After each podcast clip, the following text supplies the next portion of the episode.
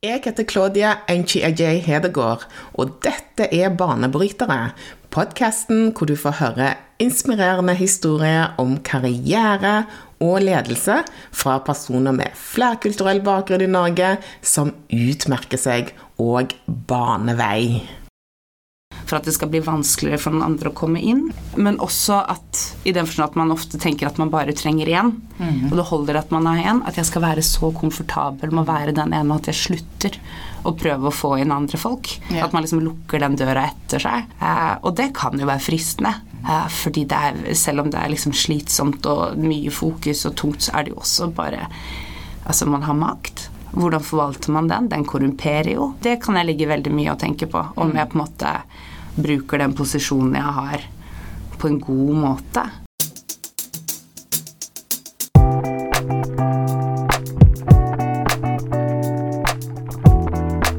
Gjesten denne uka er en stjerne og en banebryter i den norske kunst- og kultursektoren. Kamara Lundestad Joff er en forfatter, scenekunstner, samfunnsdebattant og dramatiker. Hun er òg rådsmedlem i Norsk kulturråd og leder faglig utvalg for scenekunst. Hun debuterte som dramatiker i 2015 med stykket 'Pavlovs tispe', og ga ut eh, suksessboken 'Jeg snakker om det hele tida' i 2018. Hun er utnevnt til eh, Nationaltheatrets prestisjetunge posisjon som husdramatiker, og stykket de må føde oss eller pule oss for å elske oss, er hennes debut i denne rollen. Som dramatiker så er stykkene hennes satt opp i flere land. Kamara har vært med på å bygge opp barne- og ungdomsteatret Det Mangfoldige Scenen, og ble tildelt Oslo bys kulturpris for dette arbeidet. Hun er blitt nominert til Ibsenprisen og vunnet Subjektprisen for årets beste scenekunst.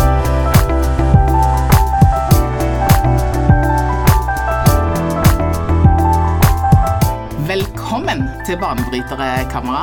Takk skal du ha. Ja, Kjekt å se deg. Du, Kjekt å være her. Hvordan går det med deg i dag? I dag har jeg bursdag, ja. Eh, så i dag går det eksistensielt og stort og opp og ned. Gjør det ikke det når man blir 34? Å, herregud, herregud 34. Så gammel, så ung.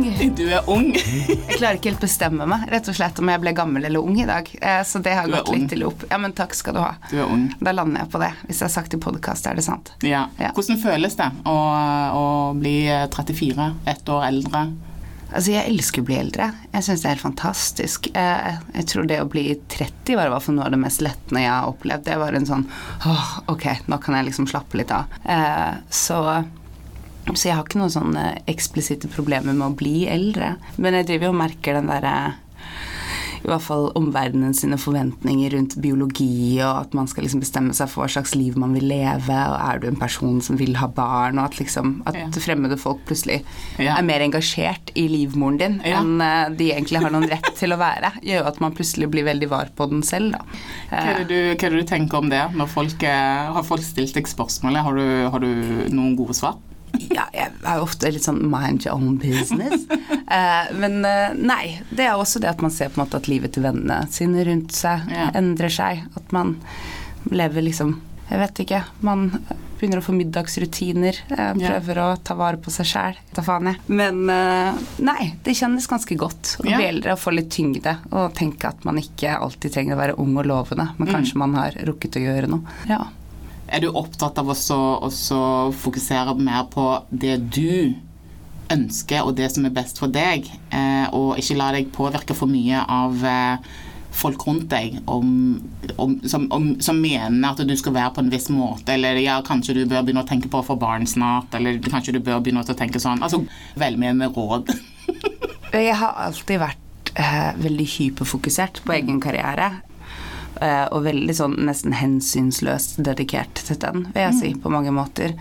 Eh, så jeg tror for min del så handler det jo også om ikke så mye andre mennesker rundt meg sine velmenende råd, men det å kanskje kunne la en selv Jeg prøver å la meg selv puste litt og kjenne litt på det å kunne ta litt fri, og kanskje ikke det å jobbe mm. bare er det eneste man skal ha.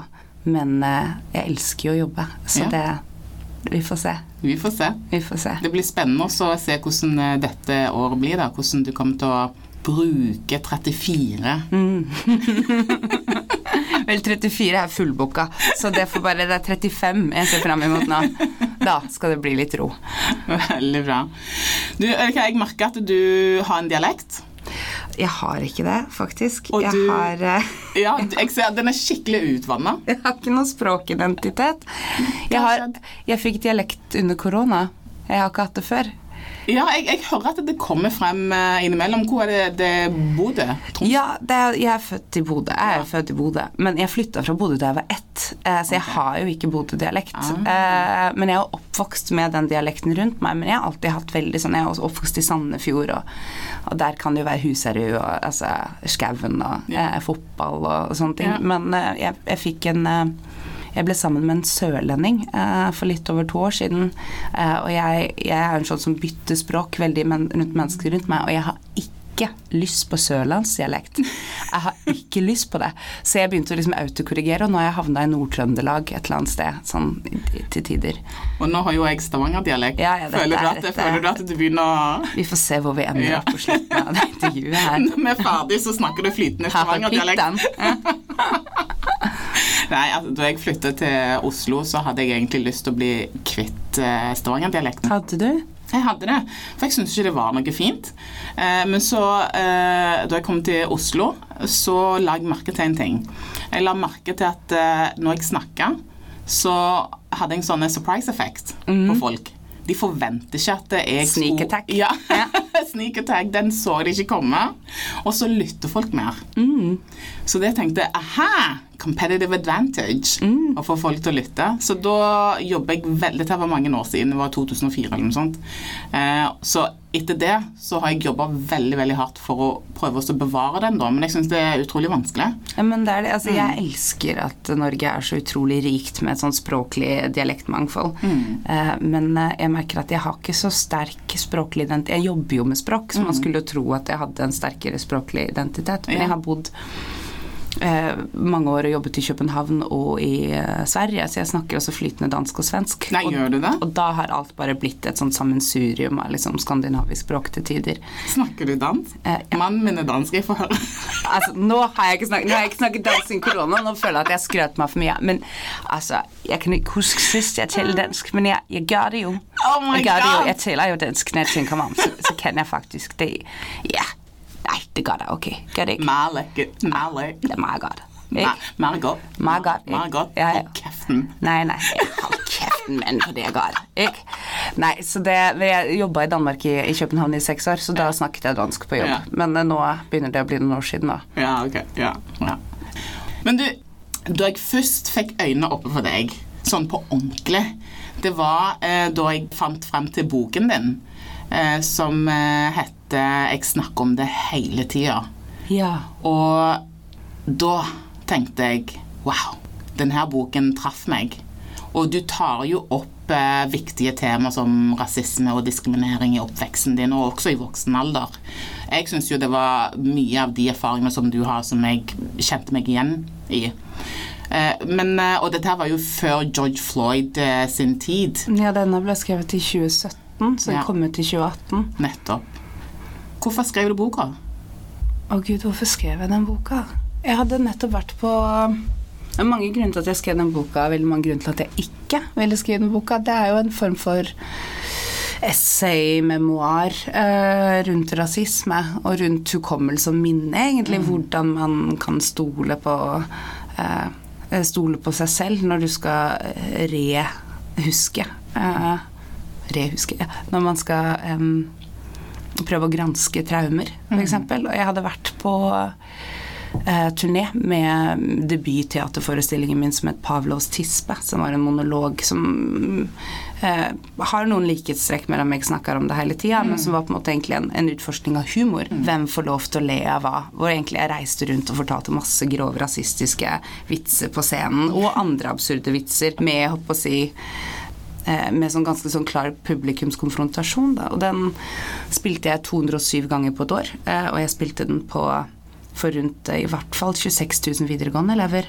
Eh, og etter hver forestilling så hadde jeg jo en ettersamtale med elevene om språkbruk og om eh, kontekst og om kildekritikk, men også om traume. Hvordan det er å snakke om traume og repetere traume. og og jeg var oppe fra Troms til Agder, oppe, så jeg var over hele det landet. Jeg var også spilt inn i Sverige og Danmark. Og jeg tror kanskje det som slo meg hardest, var det at det var så veldig mange ting av det jeg hadde balet med av rasisme utenforskap, både på ungdomsskolen og videregående, som jeg av en eller annen naiv grunn ti år etter hadde håpet at bare av seg selv skulle ha blitt bedre. Ja. At de 17-åringene jeg traff etter en forestilling, ikke skulle gå og bale med liksom den mm. samme mm. eh, fannivoldske følelsen av å ikke få lov til å være hjemme noe sted.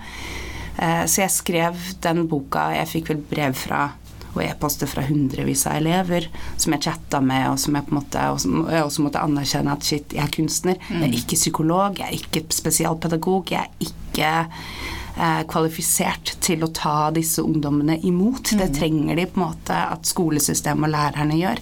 Så jeg skrev vel den boka i veldig stor grad eh, for noen av de kidsa, men til lærerne deres, kanskje, mm. i første omgang.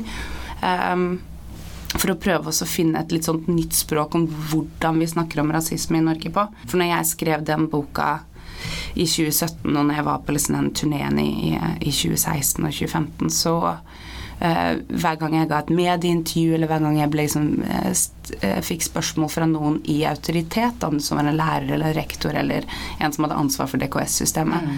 så ville alltid spørsmålet være fins det rasisme i Norge? Og hvis man liksom alltid skal starte diskusjonen på det liksom båndnivået, ja. som er på en måte ok, vi må starte med at jeg må, få, jeg må bevise at det eksisterer, jeg må mm. bevise det på en måte som ikke kjennes konfronterende, som ikke setter deg i forsvarsmodus, jeg må på en måte være så uendelig pedagogisk for at vi skal kunne komme til det nivået av samtalen som er hva gjør vi med det? Hvordan håndterer vi det?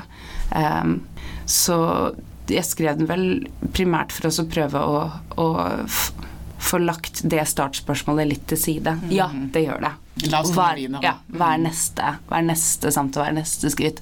Og nå får jeg, nå i hvert fall i 2022 eh, får jeg ingen spørsmål om fins det rasisme i Norge lenger. Nå er det sånn fins det strukturell rasisme ja, i Norge? Nå er det på en måte hvordan. Ja. Eh, men at man ser i hvert fall at den, den, samtalen er i utvikling. Og det har jeg i hvert fall fulgt med på de siste fem årene. Og jeg håper i hvert fall boka mi kunne være et lite bidrag inn i det.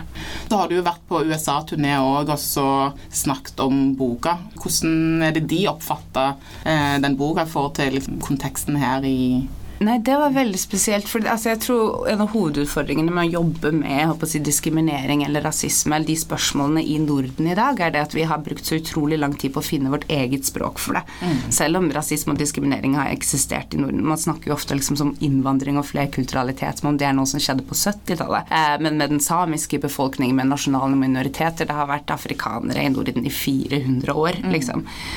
Men vi snakker jo alltid om det som en ny ting som vi ikke har et språk for, og hver eneste gang man da eh, har hatt litteratur å referere til, så er den jo amerikansk eller britisk eller fransk, da. Mm. Men i hovedsak så har det jo vært den amerikanske diskursen som har fått dominere eh, diskusjonen om rasisme, som gjør at den også kan avfeies som et importert problem, som et konstruert problem, som en romantisering av noe mm. som er liksom eh, imperialistisk og kult der borte. Eh, så jeg tror nok at som en person som jobber med den tematikken, som har brukt utrolig mange år på, å fjerne seg fra USA. På å insistere på at man ikke vil ha noe med den sjargongen å gjøre. Vi må skape vårt eget språk. Vi må ha egne eksempler. Vi trenger egen forskning.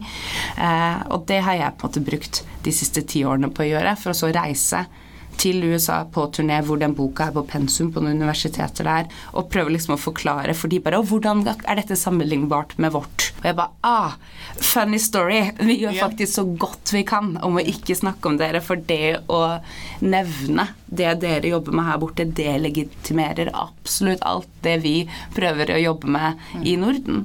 Og at det er ganske spesielt. Så det var i hvert fall en interessant bro å prøve å, å bygge. Fordi det strukturelle, det institusjonelle, det er helt annerledes. Uh, og så har de jo selvfølgelig noen helt universale fellesnevnere, som er på en måte anti-blackness. Altså rasisme er universelt på den måten der. Men at det fins noen måter i hvordan man håndterer det og tar tak i det, da, som er veldig annerledes. Er du lei av å snakke om rasisme og diskriminering? Ja, herregud. Eh, er ikke alle? Jo. Jo. Okay. Men vi slutter jo ikke allikevel. Nei. Nei. Det er jo ikke tiden for å slutte å snakke om det. Nei, nei. Det Selv om vi har kommet eh, et mye bedre sted da enn bare for to år siden. Ja, Så, mm. og at det har skjedd så utrolig mye. Også ikke det at min bok var så unik, eller Men når den kom i 2018, så var det jo på en måte hvis det var et spørsmål om rasisme. I offentligheten så var vi jo liksom fem-seks stykker da, som fikk alle de telefonsamtalene fra all media, fra absolutt alt. Men uh, det har kommet så sjukt mange gode bøker. Guro Subeko sin, Johan Shanuga Ratman sin, Lisa Joel Knutsen sin. Altså det bare kommer bok etter bok etter bok som også er uenige, og som tar fram nye nyanser og andre eh, falsetter av hvordan det har vært å vokse opp her med ulike klassebakgrunner, eh, ulike deler av landet, eh, ulike tiår. Og jeg tror det at jo flere som bærer på en måte deler den byrden av å så, eh, insistere på å holde de samtalene i livet i offentligheten, jo mer nyanserte blir de, jo mindre polariserte blir den diskusjonen. Jeg tror bare vi alle blir smartere av det. Nei, jeg, jeg ser det. Så, så det er mindre slitsomt å snakke om nå enn det var for fem år siden, vil jeg Ja. si. Jeg er helt enig. Det er lov å snakke om det nå. Ja. Og så, Vi snakket jo litt før, vi, eh, før opptak, eh, så snakket vi om eh, min fascinasjon av kunst- og kultursektoren mm. i, i Norge. Den ugjennomtrengelige bastionen. Yes. Sånn mystisk for meg. Jeg er jo eh, hyppig bruker eller forbruker av kulturlivet. eh, men, men det som jeg har alltid vært fascinert over, er hvor lukka eh, og den mystikken rundt hele den sektoren der. Hva er det som egentlig skjer bak kulissene der? Når jeg selv når jeg bestemte meg for at Nei, bestemte meg, det var på en måte I utgangspunktet ville jeg bare bli skuespiller. Det var drømmen min. Jeg skulle bli skuespiller. Og jeg hadde ikke noe større liksom Jeg hadde ikke noe behov for å endre verden. Jeg hadde ikke noe behov for å Selv om jeg var på en måte et politisk engasjert ungt menneske, så var drømmen min var å bli den brune Ane Dahl Torp. Det var liksom ikke noe Ja, større. hun var jo ganske kul Og hun eh, var så. Hun er fortsatt jævlig kul, ja. men da var hun på en måte. Altså når jeg gikk sånn på ungdomsskolen, så var hun på en måte eh, Så det var min eneste ambisjon. Jeg husker jo at alle andre på Jeg var liksom i sånn gotermiljø. eh, På ungdomsskolen og videregående så folk drev og tok tatoveringer. Og, og jeg var veldig opptatt av at jeg ikke kunne ta tatovering fordi kroppen min skulle være nøytral. For jeg skulle bli skuespiller. Eh, og så flytta jeg inn til Oslo og begynte å jobbe liksom med teater. Eller prøvde å få en fot innenfor. Og fikk jo på en måte noen sånne små oppdrag. Og jo, nei, kan du være prostituert? Kan du være au pair? Kan du spille vaskehjelp? Kan du snakke med aksent? Snakker du et stammespråk? Og jeg bare Men jeg tror ikke dere forstår. Kroppen min er nøytral. Jeg har ingen tatoveringer. Yeah. Og jeg tror at jeg trodde også fordi kultursektoren Fordi jeg har ikke noen i familien min som jobber med det. Så i denne lukka, hermetiserte, men da i mitt tilfelle ekstremt romantiserte bildet av kultursektoren, så trodde jeg at det var et sted som bare var fritatt fra resten av samfunnet. At de strukturene som jeg var fullstendig klar over var liksom på skolen, i hverdagslivet og absolutt alle andre steder, ikke var i Kunst-Norge. Fordi der var alle gode mennesker. Og genier. Og fremadtenkende, avantgarde, banebrytere. Eh, og det, og det var en ganske sånn hard lekse å lære. At måte, å ja, dette er også en del av samfunnet. De strukturene som opererer i resten av samfunnet, opererer også i kultursektoren. Noen ganger verre fordi det er såpass lukka at man får liksom ikke nok innsyn, og det er ikke nok som kommer utenfra liksom arresterer. Man er, det er flere frilansere, folk er mer avhengig av på en måte å bli likt, og når du er avhengig av å bli likt, så er det veldig lett å måtte finne seg i ting for å ikke være vanskelig. Og på å si og se at liksom, å ja, det var derfor metoo også i stor grad starta i skuespillerbransjen. Ikke sant? De oppropene starta jo blant skuespillere i Norge. Stille for opptak i 2017. Så ja, det eh, har vært en bransje å på en måte penetrere, om man kan si det. Og det har jeg jo brukt de siste 15 årene på å gjøre. På, og, og gjort, da. Men jeg kan forstå at utenfra så kan det virke som et litt sånn magisk sted. Eller et litt skummelt sted. Ja, eller bare mystisk. litt diffust. Ja, Ja. mystisk. Man, man, man, man, vet jo at det skjer mye bak kulissene, men man vet liksom ikke helt hvordan det livet er. Nei. Ja. Men det det primært er, er jo arbeidsplasser. Ja. Folk som går på jobb. Vanlige folk. Vanlige folk som går på jobb, Ja. stort sett. Men dere Eh, virker så eksentriske. Dere virker så dere er frie, nytenkende, får lov til å bare være kreative. nå, så Vel, vi er veldig opptatt av, spesielt oss som jobber i teater, er veldig gode til å scenesette oss selv. Eh, så det er mye av det som er image, og mye Ah, av det som er bullshit. Ja. eh, og mye av det som er liksom genuint. Eh, men det er jo ikke tilfeldig at når jeg kom gående inn i lobbyen her, og du sa ah, du ser ut som en rockestjerne, så er det ikke sånn at jeg altså, ikke planla det antrekket her før jeg gikk ut hjemmefra i dag.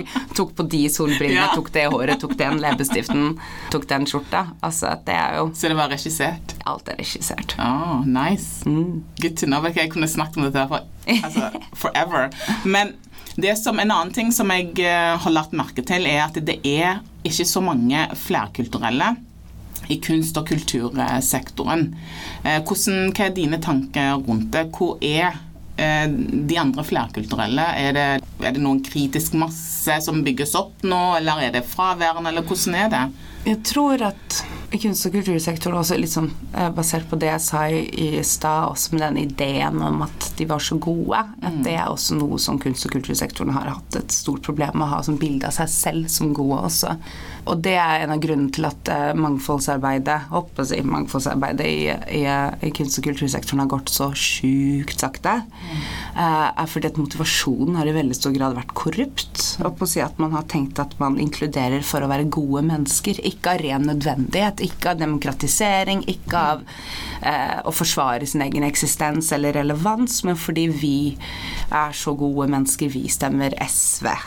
Ja. Eh, noen stemmer Ap, noen stemmer Rødt, og kanskje stemmer Venstre, men vi stemmer SV. Og de stakkars kidsa i Groruddalen, de må jo få komme på teater. Ja. Og så begynner jo kunst- og kultursektoren nå å innse at kidsa i Groruddalen driter i Det Norske Teatret eller Nationaltheatret. Eh, men Nationaltheatret og Det Norske Teatret vil ha veldig store problemer hvis de ikke Fordi Kidsa Groruddalen kommer, som er liksom bare blitt en sånn uttrykk som bare Er det ikke Kidsa Groruddalen man vil ha? Og hvem er de kidsa? Det vet liksom ikke institusjonene så veldig mye om, da. Eh, men de kidsa kommer til å lage kunst, de, og de kommer til å finne kunst, og de kommer til å skape kunst. De kommer bare ikke til å gjøre det inne på disse institusjonene.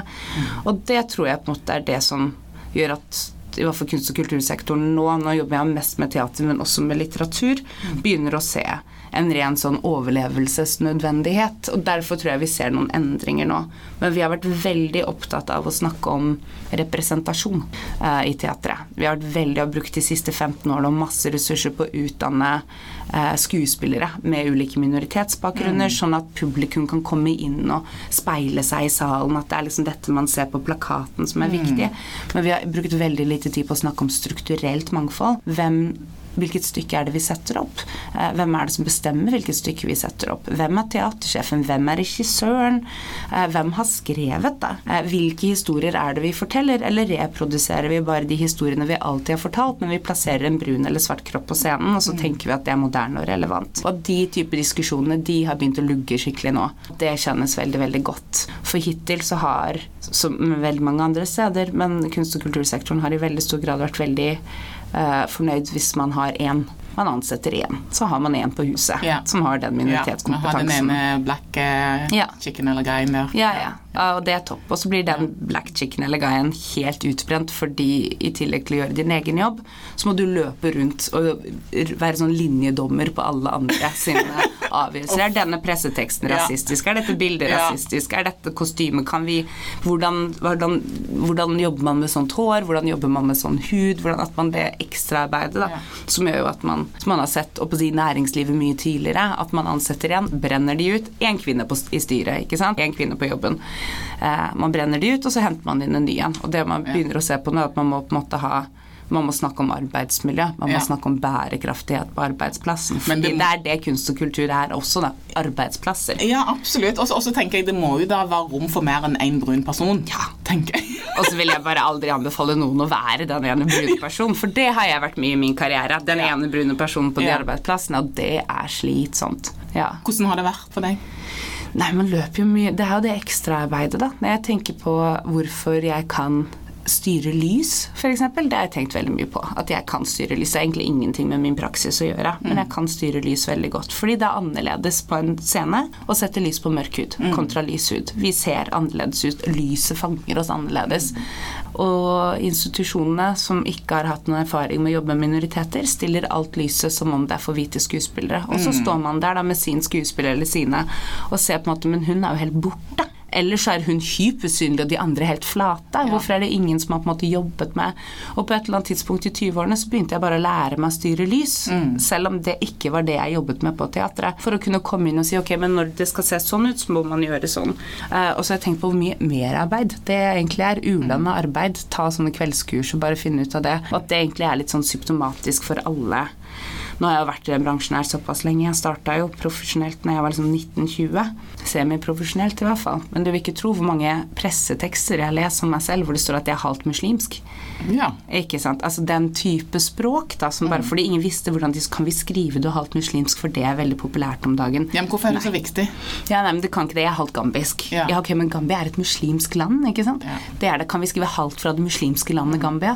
Nei, det kan dere ikke. Nei. Det er ingen som kan skrive det. er en dårlig press. Men det, det ekstraarbeidet, da. Så til slutt så finner du deg selv i at du Nå har jeg jobbet i de fleste avdelinger. I kulturlivet, men man tar seg selv i at man sitter og skriver pressetekster, og man sitter og liksom er kontinuerlig da og lærer opp andre, mm. istedenfor at institusjonene, som de begynner heldigvis å innse, nå, de må rett og slett hente inn ekstern kompetanse. Er det ingen i kostymaskeavdelingen deres som kan sminke brun hud, Ja. eller gjøre noe med weaves eller krøllete hår, da må dere leie inn noen som kan kurse dere. Og det er på en måte der man er nå, at de kursene for teaterne nå, de er helt nye. Så vi ligger litt etter, men vi kommer. Men det, altså det viktigste er at det har starta, Mm. og at det er mer fokus på dette. Og. Så ser man jo at for å overleve og være relevant, yeah. så er man nødt til å inkludere. Ja, ja. Man er nødt til å ha mangfold, og man Ja. er nødt til å involvere de fra Groruddalen. Og jeg tror jo at det som kanskje er sjokket for Og nå snakker, maler jeg med bred pensel og snakker om kunst- og kulturfeltet liksom generelt. Og det, jeg sitter jo også i Kulturrådet og er liksom er leder for scenekunst der og deler ut de pengene til det frie scenekunstfeltet. Og det tror nok at institusjonen hadde trodd litt Nesten alle institusjoner hadde trodd litt at det sekundet de så relevansen i eh, minoriteter. Så var det bare å åpne opp døra, så kom de til å komme løpende inn. Eh, men så innser man jo at det er nesten ingen som har lyst til å jobbe der. Nei. Altså at det er det man innser at man ikke er den attraktive arbeidsplassen man tenkte man skulle være. Man sier 'men hvorfor skal jeg komme og jobbe et sted hvor ingen kan sminke meg, eller gjøre håret mitt, eller styre lyset på huden min, eller skrive pressetekst, Ja. eller hvorfor skal jeg for at dere skal være relevante? For spørsmålet har alltid vært i den inkluderingspolitikken, da. Kan de skrive? Kan de spille? Har de høy nok kunstnerisk kvalitet? Og det har blitt lagt fram som sånne eh, objektive størrelser, hva som er kvalitet, hva som er profesjonelt, og det er noe alle bare er enige om, og det er en norm som, som ingen subjektivt har bestemt hva er. Um, og så begynner man å innse nå at, at den går litt begge deler, da. Yeah. Den går begge veier. Hva en norsk institusjon i dag anser som profesjonelt, kanskje er profesjonelt for noen, men er ikke profesjonelt for meg hvis ingen kan skrive en pressetekst uten å være rasistiske, eller fremstå som inkompetente. Så det ser man at det er det som er i endring, det at institusjonene på en måte jobber med sin egen kompetanse. Jeg leste et sted at uh, du er en del av kultureliten. Jeg, ja. Ja. Er du gæren? Ja. Er du enig i det? Ja da. Ja. og, da, og da lurer jeg på Hva er kulturelite? Hvordan er, det, hvordan er det man blir en del av en kulturelite? Hvordan når er det man regnes som en del av kultureliten? Når man blir invitert på podkast sånn som det her. Jeg sto opp i dag morges, 34 år gammel, ble kulturelite. Yes! Banebrytere. Banebrytere. Nei, jeg tror nok altså kulturelite er jo også på sitt Altså elitespråket og hvordan man snakker om det og hva man legger i de ulike definisjonene. Men jeg tror for min del så er jeg jo selvfølgelig kulturelite i den forstand at jeg forvalter makt over andre. Jeg får bestemme hvem som får penger eller ikke. Det er et kjempeviktig maktperspektiv å være var på. Jeg har kulturell kapital. Eh, Jeg har si, definisjonsmakt i den bransjen her. Jeg blir lytta til. Jeg har mikrofonstativer tilgjengelige for meg. Jeg trenger ikke sitte og skrive liksom, leserinnlegg etter leserinnlegg etter leserinnlegg i håp om at noen skal høre på mitt perspektiv. Jeg blir ofte ringt og spurt etter det. Og det er et privilegium eh, man skal være veldig var over at man har, og ikke skal ta for gitt og ikke skusle bort. Og det er også et maktperspektiv man kontinuerlig er nødt til å være var på når man faktisk sitter i posisjoner hvor man får lov til å utøve makt over andre. Og det at jeg så lenge har vært den hun ene black girl, black girl. Ja, hun ene brune, liksom, har jo også gjort at jeg plutselig har fått lov til å snakke på vegne av så uendelig mange. Det var min største frykt når jeg ga ut jeg snakker om det hele tida. At jeg vet Jeg kan jo ikke Det er jo ikke sånn at vi minoriteter har et sånt årsmøte hvor vi liksom har sånn hemmelig votering på hvem som får lov til å være talsperson i år. Um, så det å skulle gi ut en bok om liksom den sorte erfaringen i Norge, som på det tidspunktet var en av de svært få bøkene om den sorte erfaringen i Norge, så vet man jo at ved at jeg sier 'dette skjer meg', så vil alle andre titte på venninna si og si 'skjer dette deg'? Tenk hvis det ikke skjer dem, eller tenk hvis de ikke er enig i hvordan jeg legger det fram, eller tenk hvis jeg skriver det i et offerperspektiv, eller tenk hvis ah, ah, ah. Eh, Så det å ha vært i den kanskje ufrivillige posisjonen av å få snakke på vegne av flere, er også en stor makt å forvalte. Heldigvis så kommer det flere og flere, så jeg snakker på vegne av færre og færre. Men hvis man har lyst til å liksom slenge kulturen litt på det, ja, det tror jeg passer ganske godt, ja. Ja. ja. Det høres ganske hardcore ut. Jeg er ganske hardcore. Du er hardcore. well done. Men er du redd for Altså Når man har den posisjonen som du har nå, veldig sentral posisjon, du setter dagsorden, du Ja. Er du noen gang redd for å miste det? Ha, hm, det har jeg ikke tenkt så mye på. Jeg tror nok min store frykt i mye større grad handler om at jeg ikke At jeg skusler det bort. Eh, jeg er livredd for å bli komfortabel. Eh, fordi jeg har jo, hvordan skal man si det, på mange måter jobbet meg inn i de rommene ved å si noen upopulære ting, ved å være konfrontativ, ved å sette, prøve å sette noen nye ting på dagsordenen. Eh, men jeg har jo også alltid vært på en måte Herregud, jeg har sittet i sånne intervjuer hvor en det er jo paneldebatter hvor noen har stilt meg liksom et dumt spørsmål, så jeg har sagt liksom du, det spørsmålet er litt dumt, og så er det noen som sier jøss, nå trodde jeg du skulle velte det bordet og storme av scenen. Ja. Bare hva slags raseri tror du, hvordan tror du mitt raseri er performativt som en sort kvinne? Ja. What the fuck? Uh, men det, det å være i de posisjonene og så alltid være sint på riktig måte, det å alltid ordlegge seg riktig, det å være sjarmerende nok, det å forstå det maktspråket. Jeg er veldig redd for at det at jeg kan være i de rommene og være vanskelig og likenes, setter en tvangstrøye på alle andre til at de, for å få innpass, må oppføre seg akkurat sånn som meg. Eh, at den assimileringen man jo går igjennom når man driver og klatrer inn i disse hierarkiene, og det at språket mitt Jo, nei, vi kan gjøre liksom, Vi kan tulle med at jo, nei, jeg har en veldig usikker språkidentitet, og jeg er fra Bodø i dag, eller Ja. ikke, men jeg snakker ikke med brytning.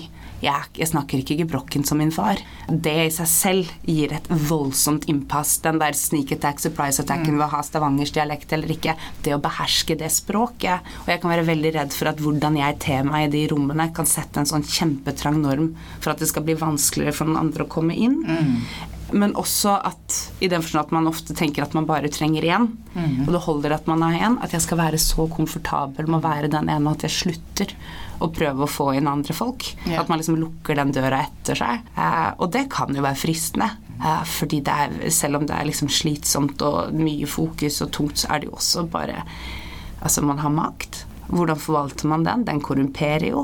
Så det kan jeg ligge veldig mye og tenke på. Om jeg på en måte bruker den posisjonen jeg har, på en god måte. Eh, og det, litt sånn ut ifra eksistensiell krise eller dagsorden, så kan jeg tenke ja, ja, det går bra nå. Ellers tenker jeg herregud, nå går dette til. Men ehm, så kanskje ikke så redd for å miste den, men mer redd for hva jeg hadde vært villig til å gjøre for å beholde den. Som kanskje er to sider av samme sak. Eh, og en ganske ubehagelig tanke. Det er det. Det er utrolig spennende spørsmål, da. Så, men da trenger du i hvert fall å ha masse gode folk rundt deg som sjekker deg. Du blir for, For høy på deg sjøl. ja, for høy på deg sjæl, eller for uh, for trygg. Trygg i de posisjonene du er. Eh, og for tålmodig. At når jeg hører meg selv gjenta de samme tingene som sånne kulturmenn fortalte meg når jeg var i begynnelsen av 20-årene Ja, men ting tar tid. Ja. Ting tar tid. Du må ikke være så utålmodig. Ting tar tid. Og da pleide jeg for ti år siden så pleide jeg å si men hvis du har jobbet med dette i 20 år, og det faktisk tar så lang tid, har du vurdert om du ikke er en del av problemet? Ja. Kanskje du burde flytte på deg? Mens nå hører jeg meg selv si ja, ja, men det går jo fremover. Vi Ja. har jo kommet langt nå. Ting tar tid. Og det skremmer meg veldig. Det stemmer ja. Men det kanskje handler om å bli gammel òg, tenker jeg. Ja, kanskje. Altså, altså hallo. Nei, altså, gammel. 34. Gammel. Nå må du roe deg Så ned, altså. Nei, men jeg tror om Jeg tror det er veldig, veldig farlig å bli komfortabel. Ja, det er det. Eh, det, er det. Jeg, jeg føler det å være komfortabel et sted og i sin posisjon er det farligste stedet man kan komme. ja. Også fordi at jeg baserer meg jo også veldig mye på jeg vet ikke, altså Spesielt når man snakker om rasisme i Norge, da, som har så utrolig lite forskning. Det er så utrolig lite forskning som er gjort på rasisme, hvordan det er å oppleve rasisme, hva det gjør med deg, langtidskonsekvenser av det. Man snakker jo i hovedsak om å si, eh, spørreundersøkelse hvor liksom, statistikere ringer rundt til nordmenn og spør om de føler seg rasistiske eller ikke, og så sier Ja. de nei. Og så bare nei, da er det mindre rasisme. Ja. Altså på å si at den, den forskningen er så mangelfull, da. Og da blir man avhengig av å vitne disse personlige anekdotene som man driver og kommer med hele tiden, når man forteller en til og forteller en til, og så plutselig så blir det liksom en sannhet, og så ligger den ikke en makt, men hvordan man forvalter det narrativet. Og jeg er veldig redd også for hvis, jeg, hvis det plutselig kom noe forskning som skulle sagt noe i fanget og sagt ja, men du har misforstått, dette fungerer, henger sammen på en annen måte enn det du har forfekta ut ifra dine egne konjuksjoner de siste ti årene. Hadde jeg vært i stand til å ta imot den forskningen, er jeg i stand til å ta imot ny informasjon som gjør også at jeg må omstille meg? Eller er jeg blitt så komfortabel i min posisjon som er bygd på disse premissene at jeg bare brenner den forskninga Ja. og holder på dette? Altså det, det Det er et farlig sted, altså. ja, så det er sånne ting jeg Ja. ligger og tenker på. Nå er du husdramatiker. Ja. Hvordan er det man får en jobb som husdramatiker? Først og fremst, Hva er det for noe? Hvis du kan bare kort fortelle oss som ikke er i denne sfæren, hva er en husdramatiker? Og hvordan i all verden er det man får en posisjon som husdramatiker? Jeg er husdramatiker på Nationaltheatret. Det er ikke en jobb man kan søke på. Det Nei. er en jobb man blir tilbudt av den personen som er teatersjef på det tidspunktet på Nationaltheatret. Så Christian Seltun, som er teatersjef der nå, han eh, tok over i eh, 2021, så jeg startet som husdramatiker når han startet som teatersjef offisielt. Så han spurte meg da rett før korona 2020. Eh, og husdramatikere har sett veldig annerledes ut fra dramatikere til de som har hatt posisjonen før meg. Eh, jeg skriver to stykker på to år og er veldig engasjert i, håper å si, eh, i møter med eh, de ulike lederne på Nationaltheatret og dramaturgiat, de som sitter og ser på hvilke stykker man skal sette opp repertoaret, og er veldig hands on, da. Har et ønske om å være det. At hvis jeg skal være inne på denne institusjonen, hvis jeg skal Sånn som jeg nå eh, på min neste premiere, der skal ha seks sorte skuespillere på scenen som aldri har skjedd på Nationaltheatret før. Hvordan skal de skuespillerne bli tatt imot? Hva slags miljø tar jeg dem inn i? Det er veldig viktig for meg å på en måte jobbe med hele institusjonen. Mange andre dramatikere eh, gjør mange oversettelser mens de også skriver sine egne stykker. Noen skriver ett stykke på to år, noen skriver flere. Så det er jo en jobb man i, eh, i forhandling med sjefen sin definerer litt selv, tror jeg. Jeg har i hvert fall fått luksusen av å gjøre det. Ja. Men eh, kan du bare gi et eksempel på liksom en, en hverdag for en husdramatiker? Vet du hva, Det er også vanskelig, for jeg ble husdramatiker under korona. Jeg hadde jo masse ambisjoner om å på en måte bli kjent på det huset og ha et kontor på Nationaltheatret. Eh, og så var det jo lockdown, så jeg hadde jo min første Når jeg ble ansatt 1.8.2021, jeg hadde min første dag på teatret Nei, 1.1.2021. Jeg hadde min første dag på teatret i august. Er første gang jeg var på arbeidsplassen min fysisk. Så det var jo ikke en vanlig periode for noen. Men primært så sitter jeg jo hjemme og skriver. Det er det jeg gjør. Jeg har Jeg sitter og forbereder uh, mitt neste stykke. Jeg sitter hjemme og skriver, jeg snakker med de jeg jobber med. Jeg jobb, driver med casting, hvem skal spille i det, hvilke regissører skal man samarbeide med. Og det er også ikke så vanlig at en dramatiker får gjort. For ofte så vil en dramatiker skrive ferdig en tekst, veldig ofte på egen hånd, med mindre det er et bestillingsverk. Og så, altså at noen har bedt deg om å skrive noe, eh, så sender du det rundt til teatret. Frem til en, en gledens dag ringer noen og sier 'Hei, du, den teksten du sendte oss for to år siden, den Den har vi lyst til å sette opp. Den så interessant ut. Eh, vi har tenkt å gi den til den regissøren, og så skal vi bruke de som jobber her. Og så sier du tusen hjertelig takk. eh, og hvor kan jeg sende faktura? For det er ingen som har betalt meg for dette ennå. Mens jeg har mulighet som husdramatiker, da, som er ansatt på huset også i to år, i 50% stilling, mulighet til å være på prøver, være i dialog og være veldig aktiv i mine egne produksjoner. Men det er også fordi jeg jobber med en tematikk mm. som er ganske vanskelig eh, og ganske kompleks og ganske ny for Nationaltheatret å ta tak i. Eh, så der er de også veldig, sånn, veldig åpne og rommelige for at kanskje det er best at du er her hvis du sier at du trenger det. Eh, så det er jeg. Det er jo prestisjetung posisjon. Er du gæren? Det er det. Så det er veldig Jeg trodde det var en joke, jeg. Ja, når jeg fikk den mailen først, jeg ringte en venninne av meg og trodde hun hadde For jeg hadde nettopp uka før proklamert veldig høyt over veldig mye rødvin at jeg var ferdig med teater. Ja, jeg var så sjukt ferdig med norsk kultur. Jeg er ferdig ja. med teater. Hvorfor det? Ferdig med Nei, bare at man har vært i mange prosjekter. Noen prosjekter går, noen prosjekter går ikke. Mm. Eh, man jobber med veldig personlig materiale, det koster mye personlig, men du mm. tjener ikke nødvendigvis mye på det. Og at jeg kjente på en måte at den bransjen her Det var slutt mellom meg og den bransjen. Eh, og så fikk jeg den e-posten da fra Christian Seltun. Eh, og da trodde jeg at det var min venninne som er skuespiller, som hadde lagd en liten sånn practical joke, rett og slett. Bare sånn lagd en sånn Christian Seltun at hotmail, ja. ikke sant. Og bare sånn hei, vil ikke du, for å se på en måte om jeg ja. eh, Men eh, den, den, var på ordentlig. Ja. Wow. Jubla du da? Eh, jeg kasta opp. Gjorde du det? Ja, jeg er du gæren. Wow. Jeg ble dritstressa. Det er jo et helt annet søkelys og en helt ja. annen uh, plattform. Det var helt umulig å skrive når jeg starta å skrive. Altså, jeg satt jo og skrev liksom en setning, og så stoppet jeg og så ble jeg sånn Den setningen, den er god, men er den god nok for Nationaltheatret? Ja. Nei, den er det ikke. Søppelkast. Så det var på en måte Så jeg gikk inn i en sånn fire måneders skrivesperre. Jeg syntes det var så ja. skummelt å skulle skrive for det huset. Og så har man jo på en måte Man kjenner jo denne bransjen, man vet hvordan folk snakker, folk skriver på Facebook, tenker ikke at du ser det. Noen skriver liksom ja, men så er det jo litt synd at Nationaltheatret har gått under for sånn politisk korrekthet og kvotert inn en husdramatiker. Det pleide å være en posisjon som betydde noe. Ja, vi får se. Hun kan, kanskje hun kan skrive. Kan hun skrive? Er det noen som har lest noe hun har skrevet? Og så sitter man hjemme og bare Kan jeg skrive? Kan jeg, kan jeg egentlig skrive? Kan jeg, kan jeg det? Og så til slutt så kommer man jo på at det kan man jo. Mm. Og så vil ikke alle alltid like det du skriver. Jeg kan jo skrive, om jeg skriver godt eller ikke, det kommer vel an på hvem som leser og mm. hvordan de tar det imot. Men. Eh, det er en veldig privilegert, uh, veldig æresfull posisjon som jeg var veldig, veldig redd for å Også fordi det er en sånn lang rekke med så utrolig flotte dramatikere mm. som har vært før meg, som har skrevet så utrolig flotte verker jeg har sett der oppe, at når de har satt opp Og tanken på å skulle følge den rekka med Katrine Nedre og Arne Lygre, og så komme og levere noe som bare var piss. Og det som jeg kanskje syns er Som gjør at jeg elsker å skrive teater, og hater det, i den forstand at istedenfor å skrive en bok, at i en bok så er det på en måte hvis selv om det er vondt hvis min bok får en dårlig anmeldelse, så har jeg skrevet en dårlig bok, og så må jeg stå i det. Og så må forlaget mitt si ja, jo, ja. Eh, men hvis jeg skriver et dårlig teaterstykke, mm. så er det fortsatt seks skuespillere på den scenen som skal stå og bære den teksten kveld etter kveld etter kveld etter kveld. Og det er et eller annet med å utsette utsette noen andre for sin egen potensielle inkompetanse. Det kan gjøre at jeg legger oh mye våken og tenker dette, det må være bra. Ikke bare for min skyld og anmeldere og status og Men stakkars skuespillere, stakkars folk, for det er så mange som teater er så kollektivt.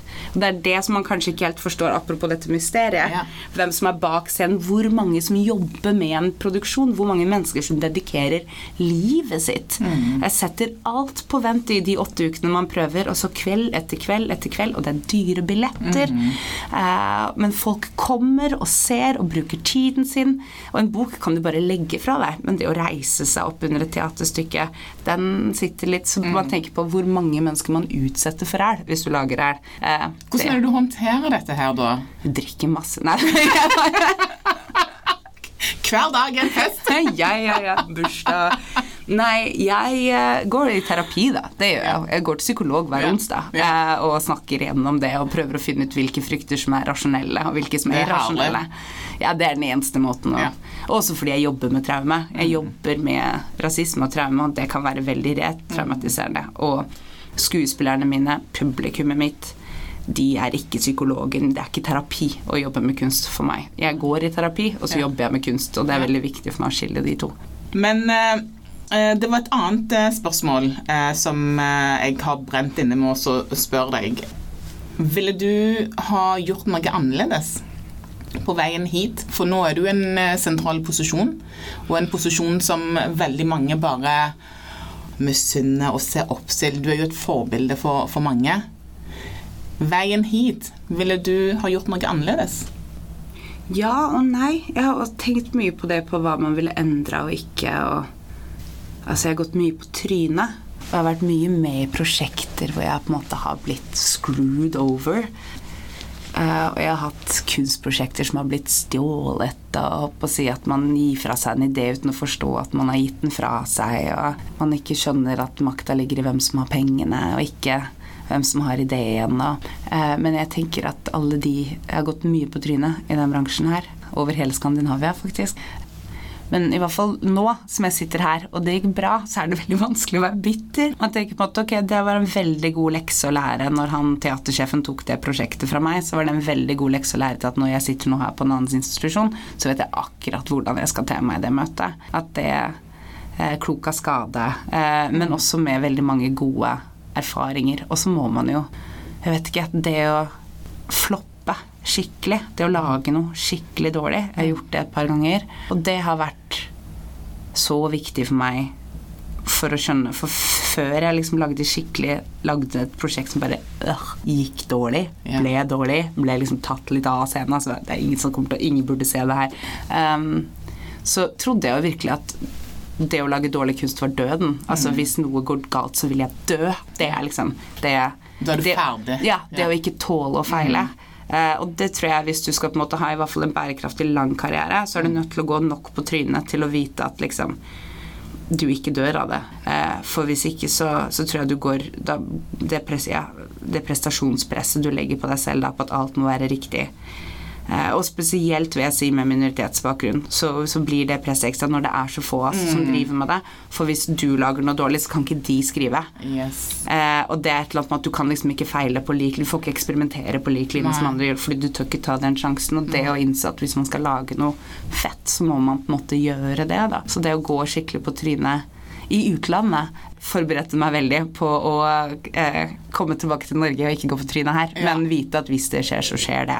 Og prøve å ha det som et mantra. Når jeg ikke tror på det selv, så snakker jeg med psykologen min om det. Ja. Eh, for at er han det, bare hva er det psykologen sier? Det? det kommer til å gå fint. det har gått bra hittil. Eh, men så sier han men hva er det verste som kan skje? Og jeg bare jo, det og det og det og det og det og det og det og det og det og det og det og det. Men da er det sånn, ja ok, men hva er det verste som kan skje da?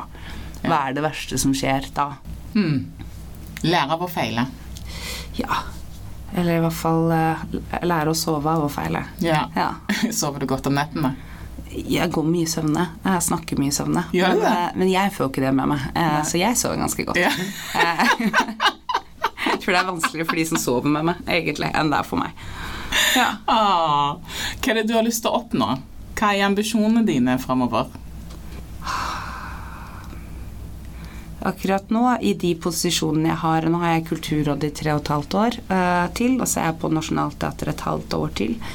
Uh, så for nå så vil jeg bare forvalte de veldig æresfulle oppdragene jeg har akkurat nå, vil jeg bare forvalte godt. Uh, skikkelig godt. Og det sekundet det er ferdig, ta skikkelig fri. Det er liksom Det er planen. Ja. Og så vet jeg ikke hva som er etter det. Jeg vil jo egentlig bare Nei, det er løgn. Jeg vil bare skrive. Det er helt løgn. Det er ikke det jeg vil. Uh, men uh, jeg håper jo i hvert fall å kunne få fortsette med det jeg gjør akkurat nå.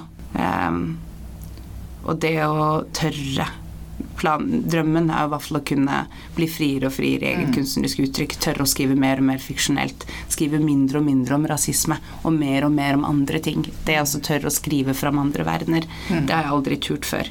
Det prøver jeg meg på nå. Det kjennes veldig godt. Ja. Kunne du noen gang tenkt oss å gå til næringslivet og jobbe i en corporate verden? Altså De betaler jo veldig godt for sånn mangfoldskonsultasjon.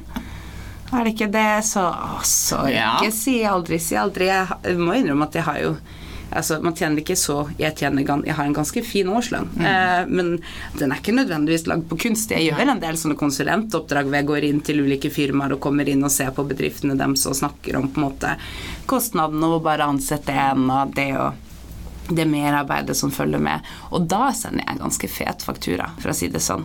Og når noen sier Oi, dette var, skal du komme hit og snakke om rasisme, det var veldig, veldig dyrt, eh, så blir jeg vel sånn Ja, det her koster. Eh, det kosta meg mye, det skal koste dere mye òg. Men sånn mic. ja, men også for at når en ungdomsklubb ringer og sier at de har 1000 kroner, men lurer på om jeg kunne komme og snakke, så kan jeg si at jeg gjør det gratis, for da har den corporate-jobben betalt for det. Så det Spons en ungdomsklubb, betal meg godt. Ikke sant? Ja, nei. Så det er ikke så fremmed, eh, egentlig. Men eh, det er veldig deilig å dra inn i en sånn corporate-bedrift, besøke dem i to timer, og så gå Gå ut igjen. Ja. Jeg kommer jo fra corporate-verden, jeg, vet du. Mhm. Så jeg skulle gjerne likt vet Jeg hadde jo en Kunne du likt deg en tur inn i kulturlivet? Ja, faktisk. Velkommen. Ja. jeg var jo, jeg jo eh, Da jeg var liten, så, så hadde jeg veldig lyst til å bli en entertainer. Eh, Å stå på scenen, det var liksom en greie. Eh, Da jeg var liten, så um, Altså i Ghana, når eh, foreldrene mine fikk besøk, så skulle jeg alltid entertain. Så de bare ja, ok, la hun få danse og gjøre det hun skal gjøre, og så går jeg videre, for da har jeg fått scenen. Så jeg burde jo egentlig gått inn i kultur, kultursektoren, men jeg jeg tørde ikke. Nei. Fordi jeg eh, visste Altså, mange grunner, selvfølgelig. Jeg så ikke at det var, det, ikke at det var en mulighet engang. eh, For folk som, sånn som meg. Em, og hvis du i det hele tatt fikk muligheten, hvordan skal du leve av det? eh, type. Skal du liksom struggle hele livet ditt? Det frister liksom ikke, så jeg bare Nja. Nei, for min del så altså, jeg var også en eller annen form for sånn entertainer som barn, men som voksen så har jeg utviklet en sånn akutt sceneskrekk. Ja. Men den har jeg hatt. Den har jeg hatt i alle årene. Altså den jeg kaster opp før jeg går på scenen hver eneste gang. Oh, wow. Ja, ja, så det er, ikke, det er ikke bærekraftig på lang tid. Så jeg tror noe av det beste jeg har gjort Jeg var jo musiker og skuespiller i utgangspunktet.